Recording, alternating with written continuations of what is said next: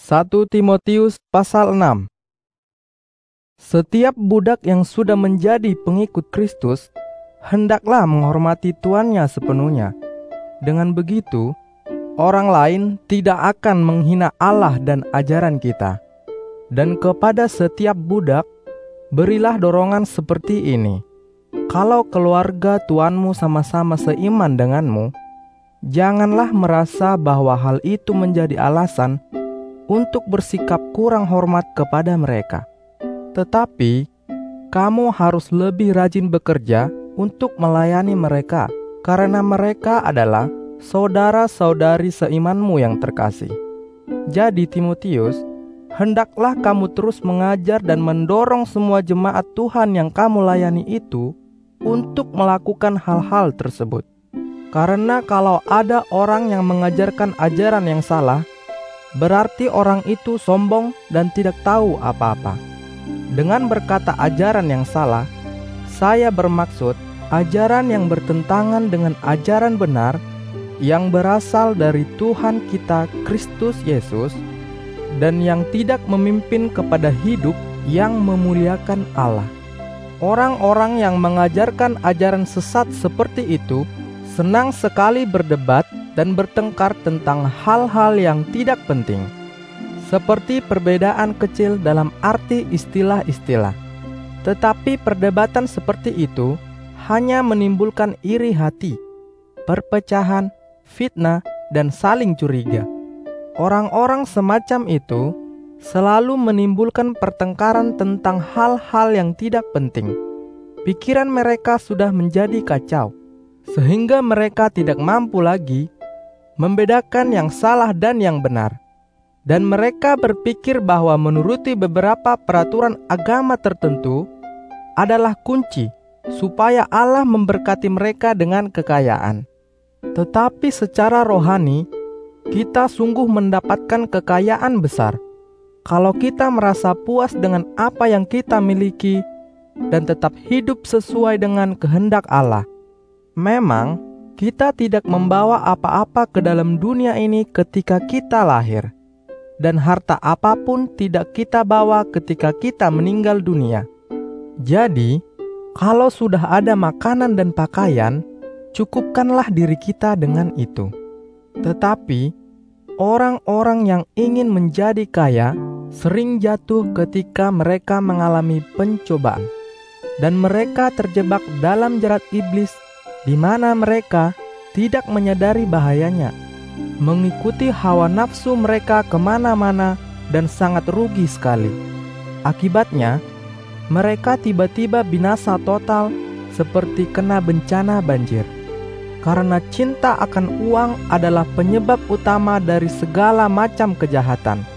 Banyak orang yang sudah tersesat dan meninggalkan keyakinan mereka kepada Kristus demi mengejar harta duniawi.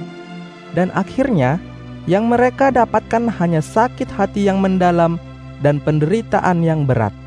Tetapi Timotius, karena kamu adalah milik Allah, jauhkanlah dirimu dari semuanya itu. Kejarlah terus hidup yang benar dan yang sesuai kehendak Allah. Tetap yakin kepada Kristus, berbuat kasih kepada semua orang, bertahan dalam penderitaan, dan tetap bersikap lemah lembut. Seperti orang yang bertekun melatih diri untuk pertandingan olahraga, seperti itulah kamu berjuang keras supaya kamu tetap percaya penuh kepada ajaran benar. Berjuanglah untuk mendapatkan hadiah kemenangan sesuai dengan panggilan Allah di dalam dirimu, yaitu hidup selama-lamanya. Ingatlah bahwa kamu tidak malu mengakui keyakinanmu itu di hadapan orang banyak. Jadi, sekarang saya mendorong kamu untuk berjanji lagi di hadapan Allah yang memberi hidup kepada segala makhluk dan di hadapan Kristus Yesus yang mengakui dirinya dengan berani di hadapan Pontius Pilatus. Lakukanlah setiap perintah Kristus dengan hati yang murni dan tanpa noda atau kesalahan, sampai Tuhan kita Kristus Yesus datang kembali.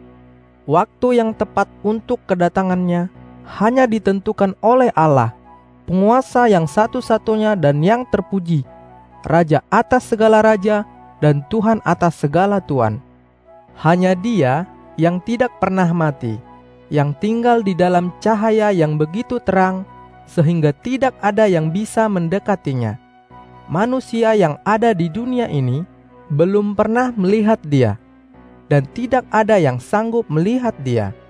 Hormat dan kuasa bagi Dia untuk selama-lamanya. Amin. Nasihatilah orang-orang yang kaya akan harta dunia mereka, supaya mereka tidak sombong dan tidak berharap kepada barang-barang yang tidak tetap, tetapi berharap kepada Allah saja. Karena dengan segala kekayaannya, Allah bermurah hati menyediakan segala keperluan kita, dan semua itu diberkatinya untuk kita nikmati. Nasihatilah juga mereka, supaya mereka menjadi kaya di mata Allah yaitu murah hati, suka memberi, dan menggunakan harta mereka untuk mengerjakan segala perbuatan yang baik. Dengan begitu, mereka seperti menabung harta di surga, di mana harta itu merupakan tabungan yang baik untuk hidup mereka di surga nanti, sehingga mereka berharap penuh pada bagian mereka di dalam hidup yang sesungguhnya. Timotius kerjakanlah terus tugas pelayanan yang Allah sudah percayakan kepadamu.